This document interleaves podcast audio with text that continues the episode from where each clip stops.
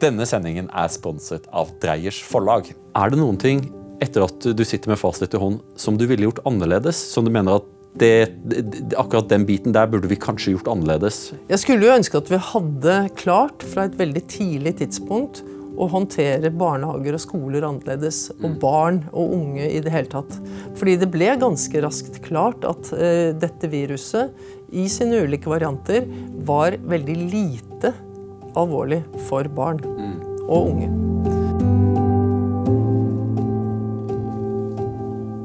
Velkommen til Toyes time, og i dag har jeg med meg leder av Folkehelseinstituttet, Camilla Stoltenberg. Velkommen skal du være. Tusen takk. Camilla, hvordan i all verden ble det at du skulle håndtere pandemien? Det hele startet med at du studerte medisin. Du må ha hatt veldig gode karakterer. Jeg skaffet meg noen ekstrapoeng også. Den gangen var det mulig. Ja. Eh, jeg jobbet et år på fødeavdeling på Vår Frue hospital. Jaha. Eh, og eh, så studerte jeg sosiologi et år før jeg bestemte meg endelig for at jeg skulle studere medisin. Og da fikk jeg også noen tilleggspoeng for det. Har det vært nyttig å ha sosiologi med i bakgrunnen? For du driver jo med folkehelse, så der, har sosiologi hjulpet deg? Absolutt. Eh, folkehelse handler jo nettopp om skjæringspunktet mellom helse og samfunn. Mm. Og eh, sosiologi og eh, sosialantropologi, eller medisinsk antropologi, som jeg studerte senere, har jeg hatt stor nytte av. Eh, nettopp for å bli en folkehelseekspert og en epidemiolog. Så for meg har det vært et ønske å kombinere samfunnsvitenskap og medisin hele veien. Ja, men også Helt siden eh, den store Carl Evangs tid så har jo Norge hatt en ganske sånn eh, fremoverlent folkehelsetanke om at vi ønsker å ha en sunn befolkning, og at vi gir råd til hva du bør spise. Geitost og grovbrød, melk i sin tid i alle fall. Hvordan står det til med folkehelsa nå? Jeg ser at det er mange fete mennesker der ute.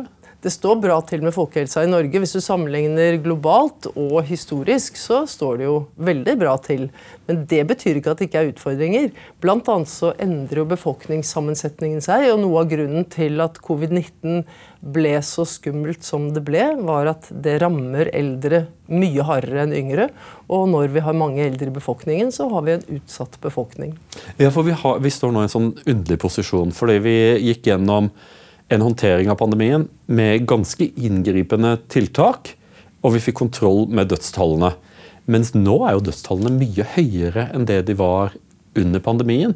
Mens det er også langt mindre debatt om det.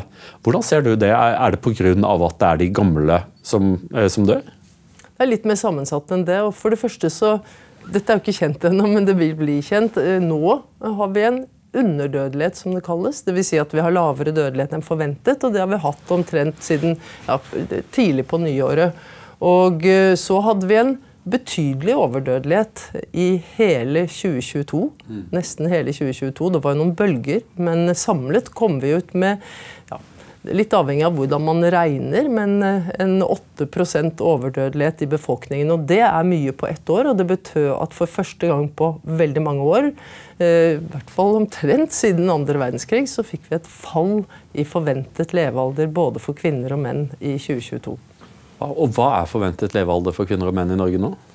For, eh, jeg husker faktisk ikke hva det er akkurat nå, men det har ligget rundt 81 år og noe for menn og 85 eh, for kvinner. Hvordan skal vi få likestilling på dette feltet?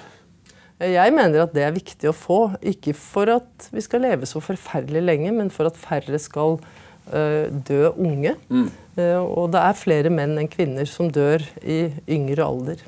Ja, er, det, er det det som er overdødeligheten? At, eh, at, menn er mer ville og gærne, og at det er flere uh, unge menn som, som kvester seg og dør i tidlig alder? Eller er det pga. at vi lever mer usunt og, og, og, går under før vi har klart å komme oss til 85? Først må jeg skille mellom overdødelighet som er knyttet til eh, koronapandemien, og eh, de bølgene vi har hatt av eh, korona i 2022. Og så skal jeg svare litt mer på hva det betyr. altså svare på det forrige spørsmålet ditt, men veldig kort når det gjelder forskjellen på kvinner og menn og forventet levealder, så er det begge deler. Menn har til dels for betydelig forhøyet dødelighet sammenlignet med kvinner eh, gjennom hele livsløpet. Biologisk så er vi jo ikke så ulike menn og kvinner, så du ville jo regne med at når du får kjempestore datasett, så ville det jevne seg ut, men det gjør ikke helt det. altså. Ja, dette dreier seg jo om menneskene og ikke om datasettene. Men jeg har lyst til å gå tilbake til spørsmålet om pandemi og dødeligheten gjennom uh, de pandemiårene. Fordi uh, vi hadde jo pga. tiltakene en uh, normal dødelighet, og i perioder lav dødelighet både i 2020 og i 2021. Mm. I 2021 så ble den norske befolkningen vaksinert, og det var veldig høy oppslutning om vaksinasjon i hele befolkningen, egentlig, og ikke minst blant de som var mest utsatte, altså de eldre. Mm. Og eh, det gjorde at vi ble så beskyttet som det går an å bli. Det betyr at det er ikke lenger behov for å beskytte befolkningen som helhet med tiltak som rammer hele befolkningen. Nå er det eh, et forsøk på å beskytte de som er mest utsatte. Fortrinnsvis de eldste og de med eh, underliggende sykdommer som gjør at du er spesielt utsatt for å få alvorlig covid-19 eller dø av det. Og det gjøres først og fremst ved vaksinasjon og så helt alminnelige smittevernregler som å, holde seg hjemme hvis man vet at det er mye eh, smitte i sirkulasjon i samfunnet. Beskytte seg på andre måter, f.eks. med munnbind eller ved å, å, holde litt avstand til folk. Men hvordan, eh, hvordan funker dette? Fordi I dag så var jeg på vei innom eh, oppe på Frogner, og der det, leveres det ut selvtester. Anbefaler dere at folk som har forkjølelsessymptomer eller symptomer som kan være covid-19, at de tester seg? Nei, ikke nødvendigvis. Man må jo bare gjøre det hvis man har lyst. Og jeg er jo nysgjerrig, så jeg gjør det hvis jeg blir veldig forkjølet. Men det er først og fremst av nysgjerrighet. Men der, eh, det er ikke noe stort poeng av følgende grunn.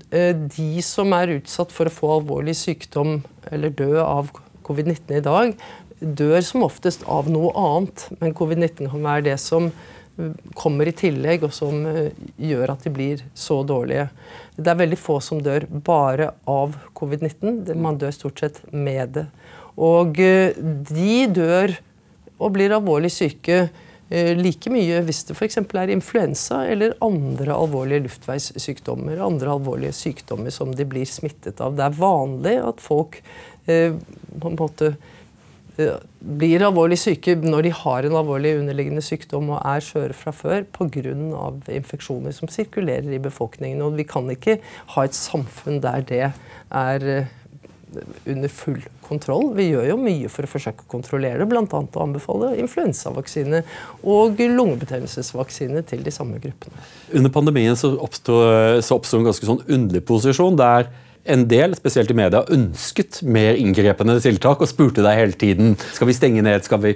Mens dere i Folkehelsa var ganske forsiktige og veldig nøye med å, å, å si at alle, alle, tiltak må avgrenses i forhold til, eh, til kostnadene og gevinsten ved, ved disse til, tiltakene.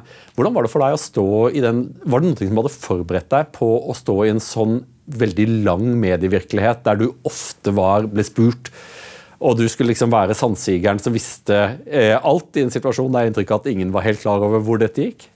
Det, er, jeg tror ingen var forberedt på at det skulle vare så lenge, og at det skulle bli så stor medieoppmerksomhet så lenge og døgnet rundt og om alle detaljer. At eh, journalister og befolkningen skulle være interessert i R-tall og vaksinemekanismer og intervallet mellom første og andre dose og en hel rekke andre detaljer.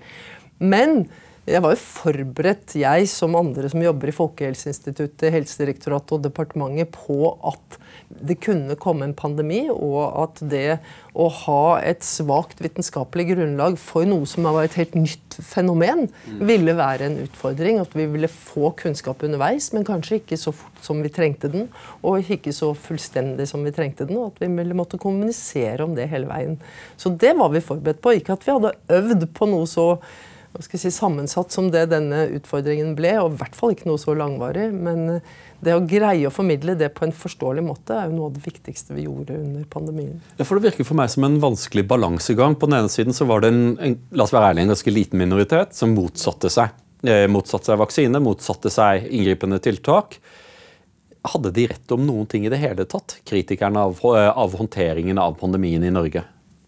Ja, Det var jo kritikere på flere hold, flere typer kritikere. De, sterkeste og mest synlige kritikerne i første runde, på tross at det da var ganske strenge tiltak, altså fra 12.3 til um, ut i mai mot juni 2020, de var jo kritiske fordi de ikke var enda strengere, og fordi man ikke holdt på tiltakene enda lenger. De var mest synlige den gangen. Og så var det kritikere på den andre siden som sa at det er ikke nødvendig med så strenge tiltak. Det er ikke nødvendig at de omfatter hele befolkningen. Mm. Jeg må jo si at i hovedsak så fikk vi ganske mye ut av den kritikken i den forstand at så lenge den ikke var overveldende og splittende for hele befolkningen, så var det mange gode spørsmål som ble stilt av kritikerne på begge sider. Og hvis ikke vi hadde vært konfrontert med de spørsmålene, så mener jeg at vi hadde vært dårligere stilt i å klare å forklare hvorfor velger vi disse tiltakene, hvorfor skal de vare akkurat så lenge, ikke lenger eller kortere, eh, osv. Og, så og det var jo ikke alle tiltak Folkehelseinstituttet alene ville innrettet akkurat slik som det ble, men vi ga våre råd. Helsedirektoratet ga sine råd. Også andre var engasjerte. Kommunene hadde jo egne synspunkter f.eks. på utformingen av tiltakene hos dem. De er jo den lokale folkehelsemyndigheten, altså beslutningstakerne. Og så var det regjeringen som bestemte, ofte da ned i ganske små detaljer, der de var opptatt av flere ting enn det rent smittevernfaglige. Altså hva det som reduserer smitte mest effektivt? For det visste vi ikke alltid helt sikkert svar på. Men tok hensyn til hva trodde de folk ville eh, etterleve, hva trodde de ville være mulig å gjennomføre i praksis. og å få kommunisert. Etter et års tid så begynte det en viss sånn tretthet Absolutt. Og, feste seg. Og det, man kan jo bare tenke seg hvordan det ville vært hvis vi ikke hadde fått vaksiner så fort som vi gjorde, og vi hadde hatt så strenge tiltak og såpass usikkert kunnskapsgrunnlag for en del av de beslutningene. Så ja, Det var en krevende periode kommunikasjonsmessig sett. Jeg mener jo at det var riktig at vi anbefalte at man skulle stenge en del ned. Det varte faktisk ikke så lenge. Det var fra midten av desember til ca. midten av januar. Og, og, vi gikk inn for at vi allerede ved juletider, altså etter 14 dager, skulle revurdere den nedstengningen basert på det vi da ville vite om den nye varianten omikron og de andre infeksjonssykdommene som eh, var eh, til stede samtidig. Vi hadde jo en bølge av det som heter RSV, respiratorisk syncytialvirusinfeksjon blant barn særlig, men også noe blant eldre. Vi fryktet at det skulle komme en influensabølge. Og vi hadde eh, denne delta-varianten, som var den mest alvorlige varianten, og som vi faktisk hadde mange dødsfall av og mange sykehusinnleggelser av akkurat på tampen av 2021 eh, og inn i 2022. Og Så begynte man nedtrapping veldig raskt. Men, men det er helt riktig, eh, folk orket ikke mer da. Men jeg tror det kunne sett annerledes ut hvis det ikke ganske raskt hadde blitt klart at den varianten var ikke så farlig. Og mm. da var det heller ikke så farlig med tiltakene. Så det gikk jo helt fint at de ikke orket mer da. Det hadde vært verre hvis det faktisk hadde vært en variant som også rammet yngre, og som ga mye alvorlig sykdom. Men hvor, hvor, står vi i forhold til det nå? For slik jeg forsto det, så var det en, en, en uro for at, eh, at et, et utgangspunktet eh, farlig virus skulle mutere og bli enda dødeligere. Og Vi har vel fått en del sånn ulike versjoner pga. at dette er en sykdom som nå er endemisk i, eh, i global skala. så Det er veldig mange mennesker som smittes, og da oppstår potensialet for at viruset muterer på en eller annen måte. Eh, er det noen ting dere følger? Det, ja, det følger man med på. Ja. Eh, både internasjonalt og i Norge. Og det er jo viktigst for oss hva som skjer internasjonalt. For det er mer sannsynlig at det vil oppstå varianter som muterer og blir mer alvorlige Eh, andre steder i verden, der det er mange flere mennesker f.eks., mm. og færre er vaksinerte, og det er kanskje dårligere også kontroll på en del eh, immunsykdommer. Altså folk som er eh, immunsupprimerte, enten pga. behandling eller fordi de har den type sykdommer, de kan lettere utvikle nye varianter av viruset. Så det følger vi med på. Det er ikke så lett å følge med på det nå, fordi det er færre land som bruker store ressurser på å kartlegge nye virusvarianter. Men mm. det følger vi absolutt med på. Og det er jo en situasjon som vi er vant til å leve med, i den forstand at det er jo dette som skjer med eh, influensa hvert eneste år. Man følger med på de nye variantene som oppstår. De fleste av dem er omtrent på nivå som det vi hadde i fjor og i forfjor når det gjelder farlighetsgrad eller alvorlighetsgrad og smittsomhetsgrad. Men de, eh, det vi frykter hele tiden, er jo helt nye varianter. Og det er jo influensapandemi som ses på som den mest sannsynlige nye pandemien. Det var det også før koronapandemien kom. At vi får en, en, en bølge av en ny influensaversjon som, som, kan drepe potensielt millioner i global skala? ikke sant? Absolutt, og det, det har jo vært rangert eh, som det som har både høyest eh, sannsynlighet og størst konsekvenser blant de ulike typene risiko som man eh, anser å være eh, til stede i verden, og som land bør forberede seg på, og internasjonale organisasjoner bør forberede seg på. Hvorfor er det slik at dere som, som arbeider med epidemier, blir mye mer urolige når sykdommer hopper mellom arter? Jeg håper at det ikke bare er vi som jobber med det som er urolige for det, men, eh, men det er jo først og fremst fordi at det, eh, det kan være begynnelsen på at viruset endrer seg slik at det begynner å smitte mellom mennesker. Det er jo det man tror har skjedd f.eks. med covid-19 eh, eller SARS-CoV-2-viruset. Og eh, med mange andre eh, typer virus, også influensavirus. Så stammer de fra dyr ofte, og så smitter de til mennesker. og Det kan de gjøre gjentatte ganger uten at det dermed smitter videre mellom mennesker. Men så kan det endre seg slik at det begynner å smitte mellom mennesker. og Det er da begynnelsen på en, en, et utbrudd og i verste fall en pandemi. Derfor følger man med på det. så Det, det er veldig viktig. Og, og blir analysert hver eneste dag internasjonalt. og Vi får rapporter om det hele tiden. Så vi er jo i beredskap alltid, og har vært det før covid-19-pandemien, og er det nå eh, når det gjelder mange ulike typer agens, som det kalles. Altså både virus, men også bakterier. Er det en fordel at vi også er, blir syke? At vi lar sykdommer også blåse gjennom befolkningen? Eller er det slik at, eh, at, at vi må nå være på vakt mot potensielle pandemier og forsøke å stoppe dem? Vi må være på vakt. Det må vi være hele tiden. For det er jo ikke en fordel at vi blir syke av potensielt dødelige varianter av et virus som vi ikke har beskyttelse mot. Mm -hmm. Du kan si det er en fordel lenger ned, men før det kan jo mange mennesker, millioner, dø. Mm. Og eh, så, så, det er en fordel at vi oppdager det tidlig, at vi kan stanse at det blir et alvorlig utbrudd, at vi kan utvikle vaksiner, at vi dermed kan få en god eller en middels god immunitet som gjør at vi er i stand til å tåle den smitten. og så at vi da smittes i tillegg. Og Det er dette vi nå har opplevd med covid-19. Men man tror jo også at det har dødd kanskje 20 millioner mennesker pga. covid-19 i verden. Mm. Eh, så det har jo også vært en, og er en, alvorlig sykdom for veldig mange mennesker i mange land. Hvordan forsker man egentlig på virus som muterer? Det er jo mange måter å gjøre det på, men eh, en viktig måte er jo at man driver overvåking av virus som sprer seg f.eks. mellom fugler, mm. Eh, og ser om de ligner på virus som også har kunnet spre seg mellom mennesker, og se hva som skjer med dem hvis de endrer funksjon, altså at man manipulerer med gensekvensene, og ser da om de blir mer alvorlige eller mindre alvorlige. og om man da kan forutse at man får eh, spredning som eh, kan være alvorlig. Og så kan man eh, da tenke på f.eks. hvilke vaksinetyper eller hvilke mottiltak er det man kan innføre for å forhindre det. Så, så, generelt er jo forskning på dette ekstremt viktig for å være forberedt på eventuelle utbrudd og pandemier. Det har vært mye diskusjon omkring, omkring Wuhan. Hvorfor vet vi enda ikke hvor dette viruset kom fra. Jeg tror ikke at vi får det endelige svaret der. så Det blir eh, en vurdering av hva man anser å være mest sannsynlig. og Den vurderingen er da delvis basert på at man ser på hvordan viruset ser ut og har utviklet seg. Mm. Eh, altså gensekvensene, rett og slett. Mm.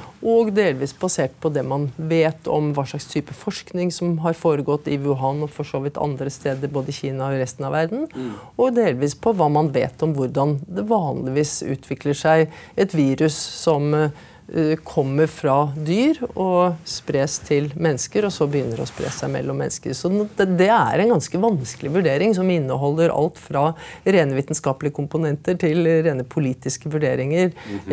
i et eneste sammensurium. Og så må man ta et valg hvis man ønsker å ta standpunkt til hva man tror er mest sannsynlig. Har dere tatt standpunkt? Nei, vi har ikke gjort det Nei. som Folkehelseinstitutt. Men vi har jo fulgt nøye med på Eh, de diskusjonene, men det er ikke vår jobb å ta standpunkt til det, egentlig. Nei, Det at det, det, det betyr ikke at det ikke er forskere hos oss som har, vil ha sterke meninger om det, men som institutt har ikke vi standpunkt til det. Nei, for jeg finner det litt frustrerende, for det er mennesker som har eh, meritterte mennesker som er skråsikre i den ene og den andre retningen. Mm. Eh, og det er litt sånn vanskelig å vite for, for oss som, eh, som, som, legmennesker om Var det kineserne som, eh, som var uheldige med, med laben sin? Det er jo etter min mening ikke mulig å komme helt til bunns i dette. Så på et eller annet tidspunkt så blir det jo da en vurdering av hva man mener er mest sannsynlig.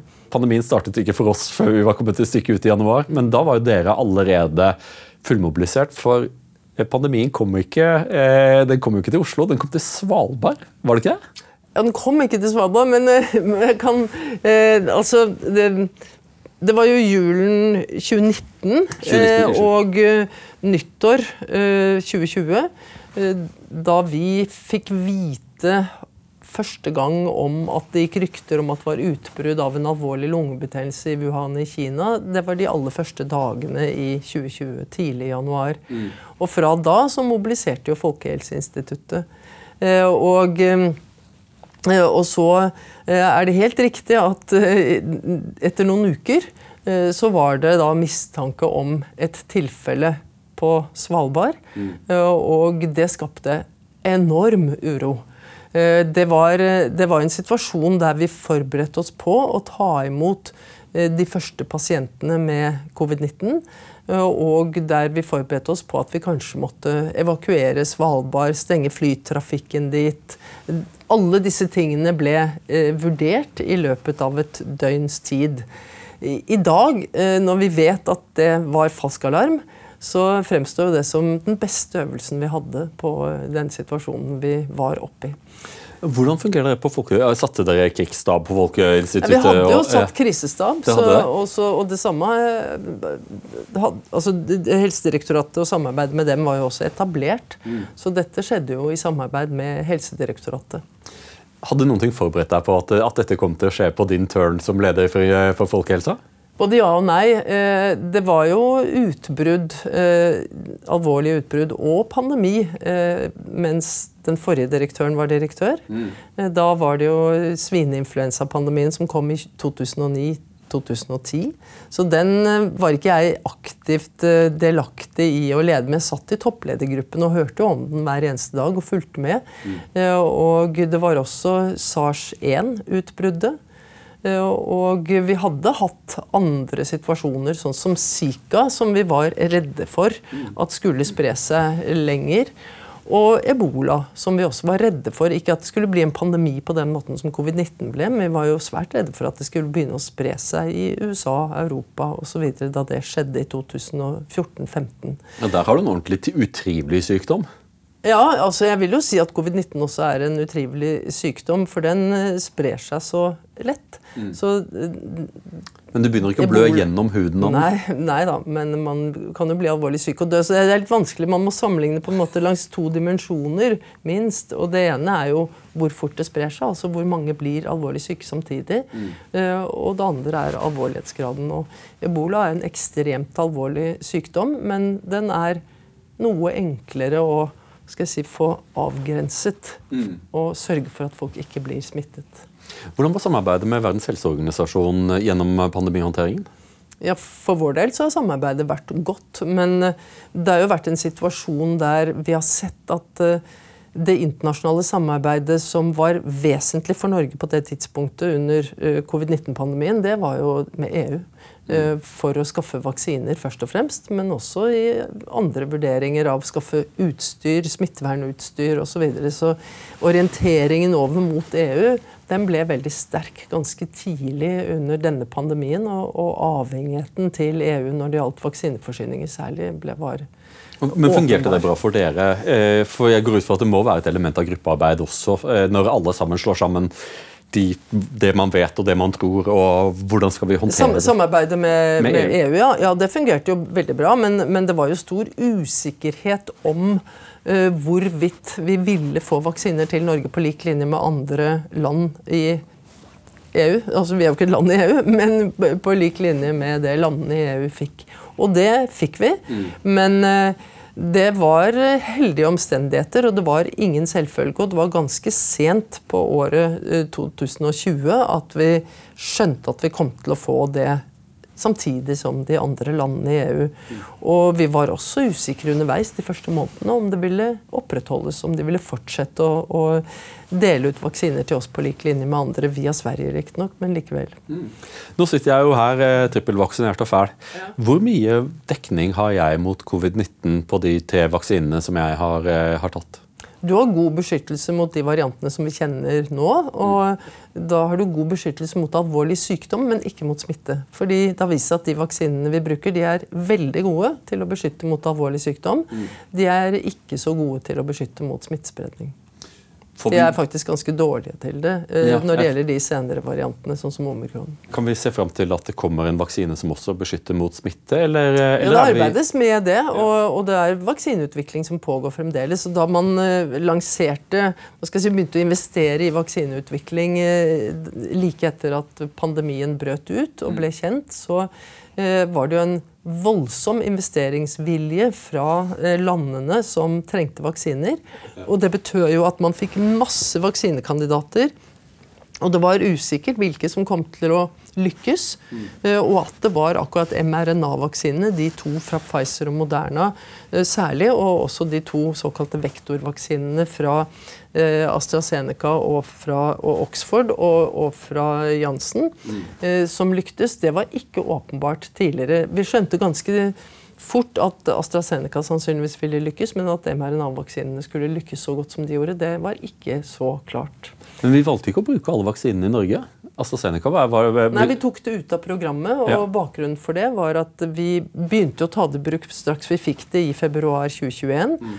Og etter noen få uker så fikk vi jo varsel 11. mars 2021. Mm. Altså ganske nøyaktig et år etter at den første nedstengningen skjedde. Ja. Eh, da fikk vi et varsel fra Danmark om at de hadde et tilfelle av veldig, et veldig spesielt syndrom. altså hvor Man både hadde blødning med blodplatemangel, men også blodpropper på helt spesielle steder, som i hjernen og i eh, de årene som går eh, til leveren. Eh, og det bildet var så spesielt, og det rammet friske i vårt mest eller kvinner, først og fremst, fordi det var kvinner som var vaksinert. For det var helsepersonell som var vaksinert med den vaksinen.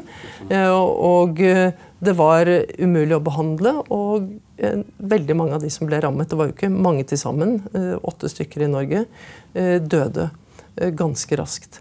Det var en så alvorlig bivirkning at etter at vi bare hadde hørt rykte om Før vi visste om disse dødsfallene som kom like etterpå, hørt rykte om dette ene mm. fra Danmark, eller rapport om det ene fra Danmark, så valgte vi å sette bruken av den vaksinen på pause. Og så etter noen uker, da vi hadde sett hvor alvorlig det var, og at folk faktisk døde av det i Norge. Friske mennesker som hadde blitt anbefalt sterkt å ta vaksine for ikke sin egen del, men for andres del. Mm. Så um, var vår anbefaling å ta det helt ut av programmet. Da valgte jo helseministeren å si at det skulle gjennomgås en gang til. Det syns jeg var klokt gjort. Så det ble nedsatt en ny ekspertgruppe som i mai 2021 var enige med oss om at det burde tas ut av programmet. Og Derfor så ble også Janssen-vaksinen den ble gjort tilgjengelig, men i praksis ble den ikke brukt noe særlig, for den lignet såpass mye på AstraZeneca-vaksinen. Du var veldig tydelig under pandemihåndteringen eh, om at du var skeptisk til, eh, til obligatorisk vaksinering. Ja. Hvorfor er du skeptisk til det?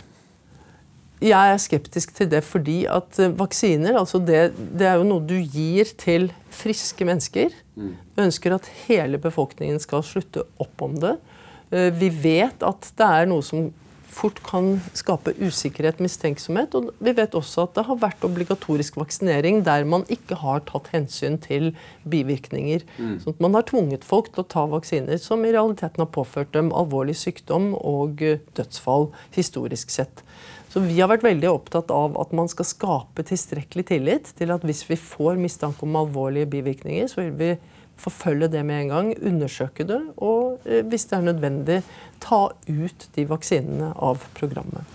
Ja, så, så det, det, å hele tiden skape den tilliten til vaksinasjon, ikke bare de vaksinene vi brukte under covid-19, men hele vaksinasjonsprogrammet, alle de vaksinene som tilbys barn, og også voksne etter hvert, eh, til vanlig, det er avgjørende viktig for folkehelsearbeidet framover. Så, så, den tilliten den må skapes egentlig hver eneste dag. Så vil ikke jeg si at eh, det, det, det ikke finnes situasjoner hvor det kan være aktuelt å ha eh, hva skal jeg si, obliga, eller å vurdere da, obligatorisk vaksinering, men mm. terskelen for det skal være ekstremt høy. Og jeg er i tvil om det er noen situasjoner hvor det egentlig vil fungere. Naturligvis er det jo fristende og si vi bare skjærer igjennom. Ikke noe knussel. Alle skal ta. Eh, problemet er at det er ganske forutsigbart at da kommer det til å vekke motkrefter, spesielt blant de som kanskje ikke i utgangspunktet er veldig tillitsfulle i forhold til staten. Og at man kan lett ende opp med at, får, at, at det hele blir et politisk spørsmål, der man viser politiske holdninger gjennom å enten la seg vaksinere eller ikke vaksinere, som man så i USA. Eh, og for, Fra et folkehelseperspektiv så er jo eh, hvis man kommer nærmere fullvaksinering gjennom å gjøre det frivillig, så er det åpenbart den beste løsningen. Ja, altså I Norge har jo dette vist seg å være veldig vellykket, og det er det også i ganske mange andre land. Og det er mange land der man har hatt eller har obligatorisk vaksinasjon som har mye lavere vaksinasjonsdekning enn også f.eks. i barnevaksinasjonsprogrammene. Og det er et alvorlig uh, folkehelseproblem, ikke bare i de landene og for de enkeltpersonene som rammes av det, men også globalt fordi det øker risikoen for spredning av uh, sykdommer. Er det noen andre sykdommer som du, som du går og uroer deg litt over, som har et potensial til å kunne bli en pandemi? Og, ja, det er jo nå f.eks. nye koronaviruspandemier. Eh, men, men influensa rager fortsatt høyest der. Og så er det en liste som bl.a. Verdens helseorganisasjon har, og som også CEPI, Coalition of Epidemic Preparedness Innovations, som jobber med vaksineutvikling, eh, har for å prøve å utvikle vaksiner mot sykdommer som eh, kan gi store utbrudd. Ikke nødvendigvis pandemier, men store utbrudd som kan ramme fattige befolkninger i land der man ikke har et marked for vaksiner. og der det har vært viktig å investere i og å utvikle det likevel. Så, så, ja, den listen er lenger enn bare influensa og koronavirus. Men, eh, men det er to viktige som vi ikke skal glemme. Denne sendingen er sponset av Dreyers forlag. Dreyers forlag gir ut mange gode konservative bøker, men en bok som vi skal reklamere for i dag, er Eric Kaufmanns 'Det hvite skiftet'. Det er til alt overmål en bok jeg har lest selv, og vil anbefale dere alle å lese. Det er en bok som forklarer mye av den sterke polariseringen vi ser i vestlige samfunn i dag. Med ganske overraskende funn, vil jeg si. Dreiers forlag har til alt overmål stilt opp med et ordentlig godt tilbud for eh, Minervas lyttere og seere, så klikk på lenken som ligger i beskrivelsen under. Akkurat i disse dager så ble det annonsert at du skal over i en ny stilling. Hva er det du skal nå, Camilla Stoltenberg? Jeg skal bli eh, det som heter konsernsjef i et, en forskningsorganisasjon som heter NORSE. Norwegian Research Center, og som eies av Universitetet i Bergen, som er såkalt majoritetseier. altså De eier over 51 okay. Det er et aksjeselskap. Og så eies det av Universitetet i Stavanger, eh, i Agder og i Tromsø, og det er også noen andre små, mindre eiere. Og det, Den organisasjonen driver med forskning og innovasjon, og har som visjon eh, lidenskap for kunnskap sammen for bærekraft.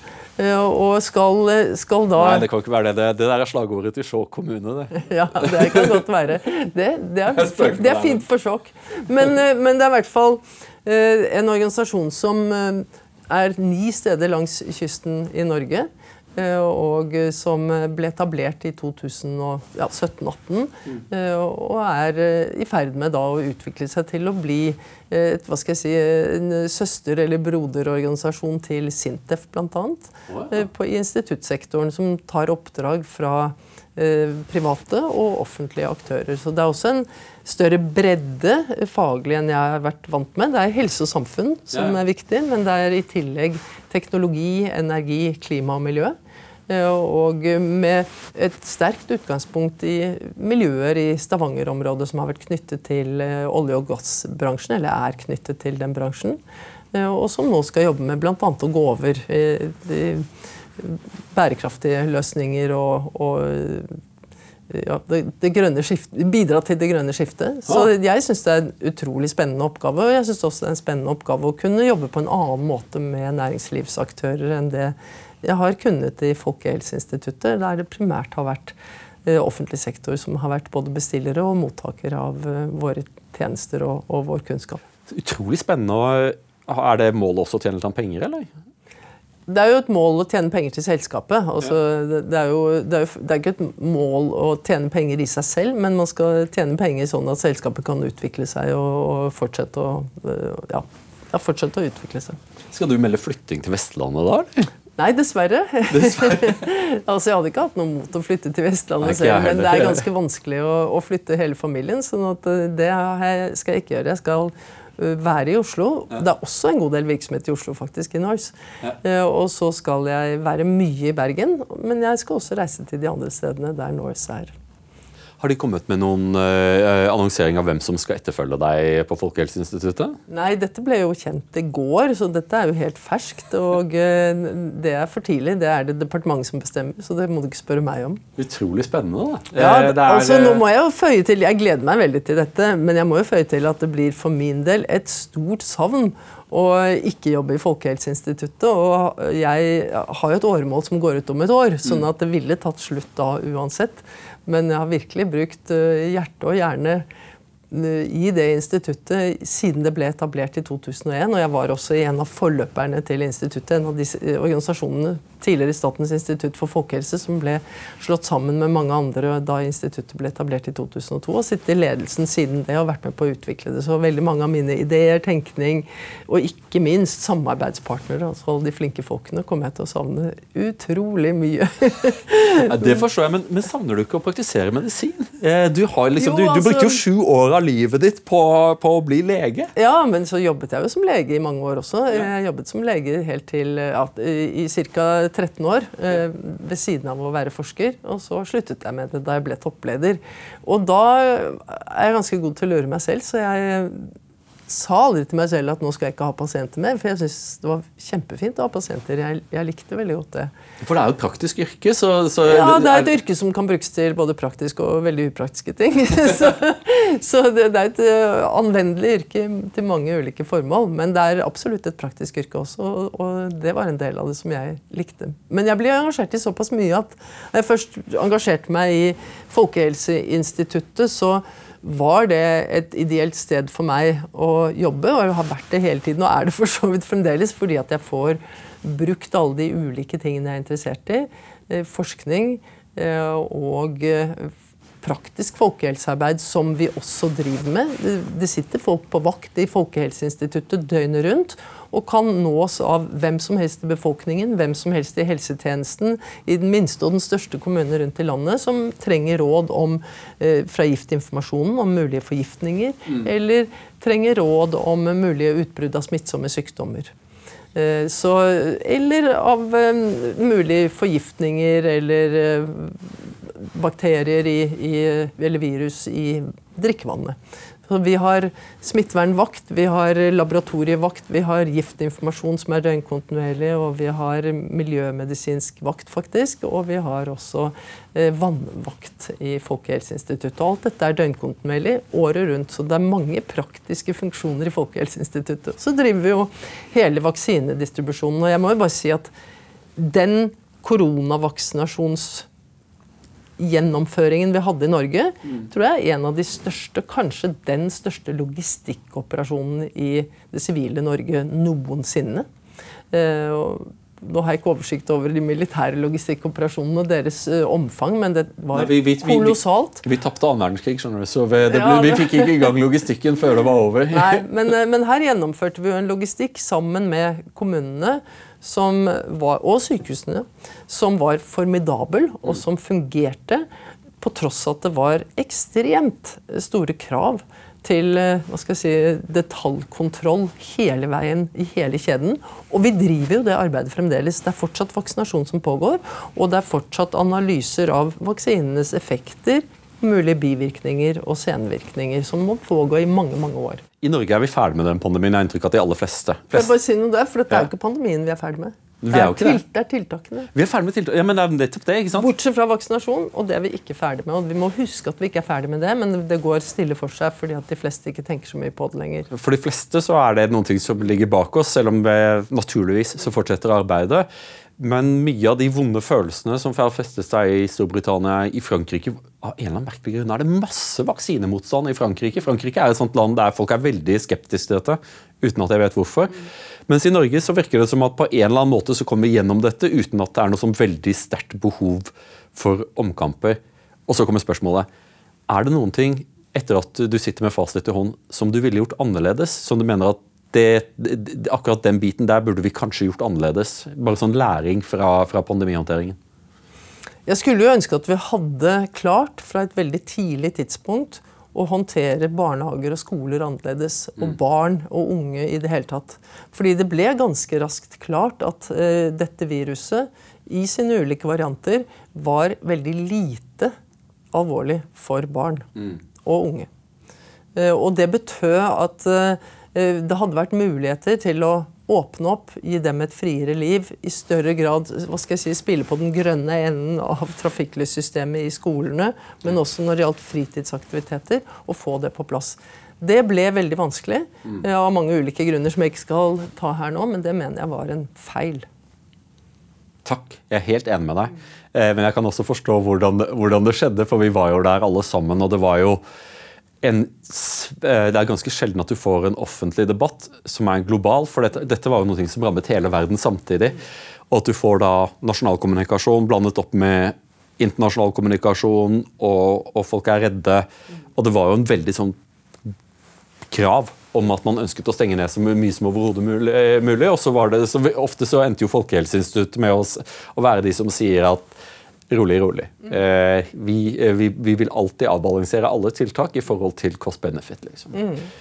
Ja, så tror jeg, det, er jo to ting til. Det ene er eh, det at det var folk som opplevde at deres nære pårørende døde i sykehjem eller sykehus, og de fikk ikke være til stede. Mm. Det syns jeg er, var helt feil. Og det tredje er usikkerheten rundt hvordan en del av grensekontrolltiltakene virket. Der jeg, vil jeg ikke være like kategorisk, men vi vil ikke få et endelig svar på det. Vi vil fortsette å forske på det for å komme nærmere et svar, men et helt godt svar vil vi ikke få på det. Og så I den andre enden så mener jeg at vi, har, vi, vi, håndterte det bra, men vi hadde en del muligheter som vi absolutt burde tatt i bruk for å kunne ha mer målrettede tiltak, for å kunne skal jeg si, dosere dem riktigere. Eh, enn det vi klarte. Og det handlet jo bl.a. om det å kunne ha en smittesporingsapp. Kunne bruke de dataene til analyser av hvordan pandemien spredte seg. Men jeg trodde at den ikke funka så godt? Den... Nei, det var jo først og fremst at vi ikke fikk utviklet den videre. Den funka ikke helt godt eh, etter noen uker, det er veldig uvanlig for en sånn eh, innretning. Men den funka, og den kunne blitt bedre hvis vi hadde kunnet fortsette å, å ta den i bruk. Men nytten i forhold til hva skal jeg si, kostnadene ved å utvikle den, både når det gjaldt eh, å få løst personvernutfordringene og å få, få utviklet den videre sånn at den faktisk fanget opp smitte på en effektiv måte, eh, sto ikke i forhold til hverandre. Og Datatilsynet mente også at når det var lite smitte, så var den da ikke nyttig nok til at vi kunne ha den. Så Den første ble lagt på is, og den andre var aldri så nyttig som den første, selv om den var Eh, personvernvennlig for, nok for Datatilsynet til at vi fikk ha den. Ja, det det så, sånn sett funka den dårlig, ja. Det er riktig. Mitt syn var at, at det var nyttig for hele eh, helsevesenet å, å, gå gjennom denne øvelsen pga. at jeg tror at vi vil være her igjen. Ja. Vi kommer til å oppleve dette igjen, og jo flinkere vi er til å finne de riktige avveiningene, eh, jo bedre vil det gå neste gang. Hva var, min tanke. Har dere et, et system for å, å, å gå gjennom praksis, erfaringer, cost-benefit. Er det noen ting dere har gjort i etterkant? vi har gjort en del av det. Eh, si, hvis, vi, hvis, vi, hadde hatt masse ressurser, så hadde vi nok gjort eh, enda mye mer for å gå gjennom det. Eh, men det vil jo fortsatt være forskning som pågår, både i Folkehelseinstituttet og heldigvis også mange andre steder, om hvordan gikk dette egentlig, og hva skjedde egentlig. Og det pågår når det gjelder alt fra kommunikasjon til hvordan virket egentlig tiltakene. Eh, og og ikke minst i oppfølgingen av eh, bruken av vaksiner. Der foregår jo masse fortsatt. Så, så jeg tenker at siste ordet er ikke sagt her. Vi, vi, eh, kommer i løpet av ikke veldig lang tid med en rapport om dødeligheten under koronaårene. og Det er en ganske viktig oppsummering av hvordan gikk det egentlig. Hvis jeg får lov til å komme med, et innspill på en ting som jeg syns funka, så var det at dere ikke gjemte dere. At både du og Nakstad og Bent Høie var sjenerøse med å ta de samme spørsmålene igjen og igjen, og ikke være redd for å møte de som sa nei, de som var uenige. For det er jo det er å bry, jeg vet, Leger liker ikke å være i debatt med andre leger. Eh, Ja, det- jeg liker det. da. ja, det ja, det- men jeg Altså, jeg liker ikke å være uhøflig og sint, og sånn, men jeg liker men veldig godt å være i debatt. Ja, ja, men jeg tror at det var veldig viktig, fordi eh, vi er, eh, de fleste som, som sitter og ser på dette, er voksne mennesker og forstår at eh, når vi diskuterer ting der vi ikke har alle fakta på plass, så vil det være avveininger. Og at dere la fram på en tydelig måte hva disse avveiningene var, tror jeg at dempet mange. For jeg opplevde det liksom selv etter å ha sittet innesperra og ha brøkkesjuke, og så er du ganske sur. Det var bare det som mangla. Nå, nå stenger en polo òg, du. Ja, det var, det, det var bare det som Ja. Det var jo ikke vi for, da. Så det var heller ikke direktoratet for. Det var eneste gangen i mitt eh, liv eh, som offentlig eh, at, at jeg har hatt noe særlig innflytelse. Da skrev jeg en kronikk i Aftenposten der jeg skrev det begynner å bli litt mye nå. og så sa jeg liksom, Siden jeg er avholdsmann, så kan jeg, så kan jeg si dette uten å bli anklaget for å være alkis. Eh, Kutt ut det greiene der. Det er ikke riktig tidspunkt. Og da det gjorde de dagen etterpå, så forsto de at ok, greit. Men eh, Camilla Stoltenberg, eh, da jeg satt og leste CV-en din, det er ganske sjelden at jeg blir ordentlig misunnelig på utdannelsesbakgrunnen til noen andre. For du har sosiologi, som er veldig gøy, medisin, som er veldig krevende, men utrolig men du har Det veldig også, gøy, det. Ja, det er jo det, men du har også medisinsk antropologi. Hva er det? Ja, Det skal jeg prøve å forklare. Det er jo samfunnsvitenskap. Eh, Det er antropologi i den forstand at eh, man bruker ikke bare kvantitative metoder, som jeg var delvis lært opp i før jeg studerte medisinsk antropologi. Dette gjorde jeg da mellom første og andre avdeling på medisin, eh, og i USA, der de tilbød det. Men det handler jo om skal jeg si, hvordan samfunnet og helse samspiller, egentlig, for å si det på en veldig generell måte. Og hvordan våre forestillinger, kulturelle føringer, preger måten vi eh, håndterer helse på og oppfatter helse på. Altså, ta, ta noen konkrete eksempler. Da. For eksempel eh, Når begynner livet? Å, gud bedre, det er Ja, et kontroversielt Er det, spørsmål. Ja, det er et kontroversielt spørsmål, men det er ganske viktig for hvordan man oppfatter eh, f.eks.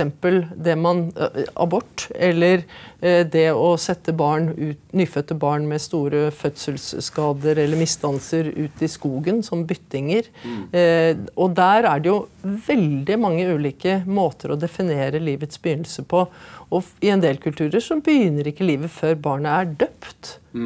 Og det som skjer med barnet før det, det holder man på avstand. Og det betyr jo f.eks. at man kan la barn som man ikke tror vil overleve, eller som man mener er så alvorlig skadd at de ikke bør overleve i noen kulturer, la dem dø. Eh, vi må jo se det også i lys av at eh, spedbarnsdødelighet, dødelighet de første dagene etter fødselen, har historisk vært veldig høy i, i hele verden. Og, og eh, at det er en helt ny ting. eh, At vi nå tenker at vi skal redde eh, nyfødte liv som kommer til på et tidspunkt hvor det, det nærmest støter mot abortgrensene. Sånn at Det er bare ett av utallige eksempler på hva man kan bruke medisinsk-antropologisk eh, tilnærming til. Og da, men så har det vært en sterk tradisjon for kvalitative metoder for det å studere ulike kulturer osv. Og, så og se, se hva slags helseoppfatninger, hva slags behandlingsmåter de har. En ting som jeg skrev om eh, da jeg studerte medisinsk antropologi, det var oppfatninger av galskap i eh, afrikanske land eh, på 1950- og 60-tallet, og de endringene man gjennomgikk der. Eh, Og WHO utga en bok som jeg for noen år siden prøvde å, å finne igjen, men den lot seg ikke da lenger oppdrive. Da var det en av de ytterst få psykiaterne som var i afrikanske land i det hele tatt på den tiden, 1953 tror jeg den kom ut, som beskrev uh, at eh, i Afrika så ble folk sinnssyke på en Hva skal jeg si eh, de, ble gale, de, de måtte eh, sperres inne. eh, de var liksom utagerende. eh, Men hadde ikke evne til depresjon. Jeg er sikker på at den boken er ute av hyllene nå fordi det var en klart rasistisk bok. etter mine begreper. Eh, Men denne psykiateren hadde jo bare studert de som faktisk var sperret inne eh, i en institusjon, og hadde ikke gått fra dør til dør og funnet ut om det satt noen deprimerte eller isolerte personer som hadde de samme tegnene på depresjon som det vi hadde i land som disse kjente, Storbritannia eller Nederland, eller hvor de kom fra. Det er så, så morsomt. Nå, nå, så det, det, den, den, hele oppfatningen av da forekomsten av galskap i Afrika var preget av deres holdninger til afrikanere, og, og også måten man behandlet uh, sinnssykdom som, som, så, som, som uh, i veldig liten grad ble behandlet. Da. Kulturelle preferanser og hvordan samfunnet ser seg selv eh, har åpenbare konsekvenser for spredning av sykdom. Allting fra vi i Vesten vår forkjærlighet for å ta for håndtrykket. Mens i Øst-Asia så, så, er de veldig ubekvemme ja, med ja. håndtrykk. Og det er bare bare har mest, mye å gjøre med smitte, for de anser det for å være skittent. Så jeg tror vi har fått litt mer respekt for det nå etter pandemien, og sett at det fins andre måter å hilse på enn håndtrykk, og de kan kanskje være like gode eh, og like vennlige. Ja, de kan jo det, men det, det ble jo litt rart. Vi, vi, sto, vi sto og bøyde oss, og, og, det var liksom det var albuer og ja, tenk, om, tenk, om, vi hadde måttet gjøre det i flere år. Da tror jeg vi i større grad hadde vent oss til å, å gjøre det på andre måter, og, og kanskje reservert håndtrykket til noen situasjoner. Dette er bare vill spekulasjon kommunikasjon. Altså. Men, men, det er veldig interessant. Altså, hvordan hilser man i ulike kulturer, og hvorfor eh, har det utviklet seg på så ulike måter? Hva var din koronahilsen? Det virket som at folk hadde liksom ulike Nei, versjoner. Det var den, eller uh, ja. Nei, jeg var ikke, ikke, noe glad i den der dultingen med albuer og sånn. Eller bare, bare liksom nikke og se folk i øynene. og... Ja, ja, men det er kanskje det er der vi kommer til å ende opp. for øh, Håndtrykket kan være litt sånn Når det har veldig smittsomme ting, så er kanskje ikke håndtrykk Nei, den beste, beste, måten da. å hilse hverandre Absolutt på. Ikke. Men så vil jeg bare si at øh, en lege bør også kunne, øh, om ikke behandle samfunnet, så i hvert fall forholde seg til øh, samfunnsmessige tiltak og deres betydning for helse. Fordi det viktigste i folkehelsearbeidet det er jo å forebygge og fremme helse og beskytte mot uhelse. Og det dreier seg jo i veldig stor grad om samfunnsmessige tiltak. Og det at også leger, eller i stor grad leger engasjerer seg i det, er helt avgjørende, tenker jeg. Fordi det er jo en av de viktigste løsningene på mange av de tingene som vi i dag eh, behandler eh, i helsetjenesten, men hvor strømmen inn av pasienter blir så stor fordi at man ikke tar tak i det som skjer ute i samfunnet. Og det kan dreie seg om kosthold, det kan dreie seg om røykevaner, om alkoholvaner, om rus og om fattigdom og utdanningsmuligheter osv. Denne sendingen er sponset av Dreyers forlag. Dreyers forlag har gitt ut boken 'Vesten mot Vesten', som er skrevet av Rune Lykkeberg. Og jeg hadde muligheten til å diskutere nettopp denne boken med Rune i Danmark for et par måneder siden, og jeg ble nødt til å lese den. Og jeg vil ikke nøle med å anbefale alle dere å lese denne boken, som forklarer mye av brytningen innad i Vesten, men også mellom Vesten og resten. Og de som klikker på lenken i beskrivelsen under, vil få et riktig hyggelig tilbud fra Dreyers på denne boken. Vi har jo dr. Stockmann eh, i En folkefiende, som, eh, som har oppdaget uh, urenheter i vannforsyningen. Ja, ja. Jo, og, og samfunnet vender seg jo mot Folkehelsearbeid. Ja, det er, men det trenger ikke være nødvendigvis populært arbeid. Fordi... Overhodet ikke. Altså, det, det, er jo i sin natur ofte veldig upopulært inntil det blir populært. Ja. Sånn som røykeloven, f.eks., som var Eh, veldig omstridt, eh, ganske upopulær. Og, eller røykelovgivningen er riktigere å si, for det skjedde jo i mange trinn. Vi har lett for å si røyke, røykeloven og tenke på eh, det ene trinnet som ble hva skal jeg si, besteget i 2003, var det vel. Da vi fikk forbudet mot å røyke på spisesteder, kafeer osv. Og, Eh, og det, og det, representerte jo slags, et slags vendepunkt. Eh, og, og, det førte jo til at veldig mange sluttet å røyke. Da må, da må jeg spørre deg. Og mange eh, begynte ikke å røyke. Ja, Men, men det virker jo som at så, så, såkalt damping har jo nå blitt den nye formen for røyking. Mens jeg forstår at, at det er ikke det spor bedre for lungene dine. Ja, vi følger med på det. og, og Og her er det jo hele tiden kompliserte avveininger. ikke sant? Det vi ser er at I Norge så har ikke damping eh, fått en så stor rolle som i mange andre land. Mm. Eh, mens i Norge så har vi jo snus, mm. som eh, spiller en stor rolle. Og så er jo spørsmålet da i hvilken grad damping og snus bidrar til at folk ikke begynner å røyke, eller klarer å fortsette å ikke røyke etter at de har sluttet. Eh, og i hvilken grad rekrutterer det nye inn til noe som også har en risiko. Snus er helt klart mye mindre risikabelt enn røyking, men det er jo ikke risikofritt. Det er ikke sunt. Nei, du sitter jo, du sitter jo og snakker med en snuser. Ja, ja, ja, men som alternativ til å røyke sigaretter, så er det jo bra. Ja, for jeg, er jo akkurat i den, jeg klarte ikke ja. å slutte å røyke, eh, så jeg begynte å snuse. Eh, for jeg er fullstendig avhengig av, eh, av, nikotin. Jeg forsøker å følge med på hele tiden den nyeste forskningen på hvor skadelig er snusing. På grunn av at det finnes, en, det finnes, jo et punkt også hvor jeg slutter å snuse. Jeg sluttet å røyke fordi jeg, faren min er lege, så jeg vet jo. Jeg visste jo hvor skadelig dette var. Faren min fortalte jo at han under medisinstudiet så åpnet de opp eh, et kadaver til en mann som hadde vært storrøyker, og da han så de lungene, så, så sluttet han å røyke på dagen. Eh, så jeg, jeg, jeg, forsøker å følge med på dette. Hvor står vi i forhold til, eh, til snusing? Det, det, det, korte svaret er at det er veldig mye mindre risikabelt enn røyking. Og det er langt å foretrekke.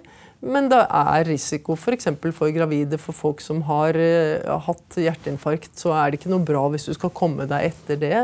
Og det er antagelig noen kreftformer som eh, blir noe økt av snusing. Men eh, det er, det er et mye bedre alternativ enn å røyke sigaretter. Men man ønsker jo ikke å rekruttere så mange unge til snusing som det vi har sett de senere årene i Norge. Så det er hele tiden en balansegang fra myndighetenes side. Nå er det ikke vi som, vi som beslutter disse tiltakene. Mm. Vi gir mye av kunnskapsgrunnlaget og forsøker da nettopp å finne ut f.eks. Hvor, hvor farlig er snusing over et livsløp f.eks. Og det, det, er litt tidlig å svare på, for den type snus som folk bruker i dag, det er det da noen kohorter som har brukt. Det er jo en del forskning fra Sverige og Norge først og fremst som kan belyse det. Og det er jo vesentlig mindre befolkningsgrunnlag enn det vi har hatt for å belyse eh, effektene av røyking, og også noe mindre tid. Men det er ingen tvil. Det er mye mindre farlig. Camilla Stoltenberg, det har vært en ære og en glede å ha deg her på Toyes time. Takk så mye. Tusen takk. Toyes time er en Minerva-podkast. Og Minerva har et tilbud til deg som ser på denne sendingen på YouTube. 699 kroner for digital og 1099 kroner for de som vil ha papirutgaven. Og vi håper at mange vil benytte seg av dette tilbudet. Klikk på lenken under.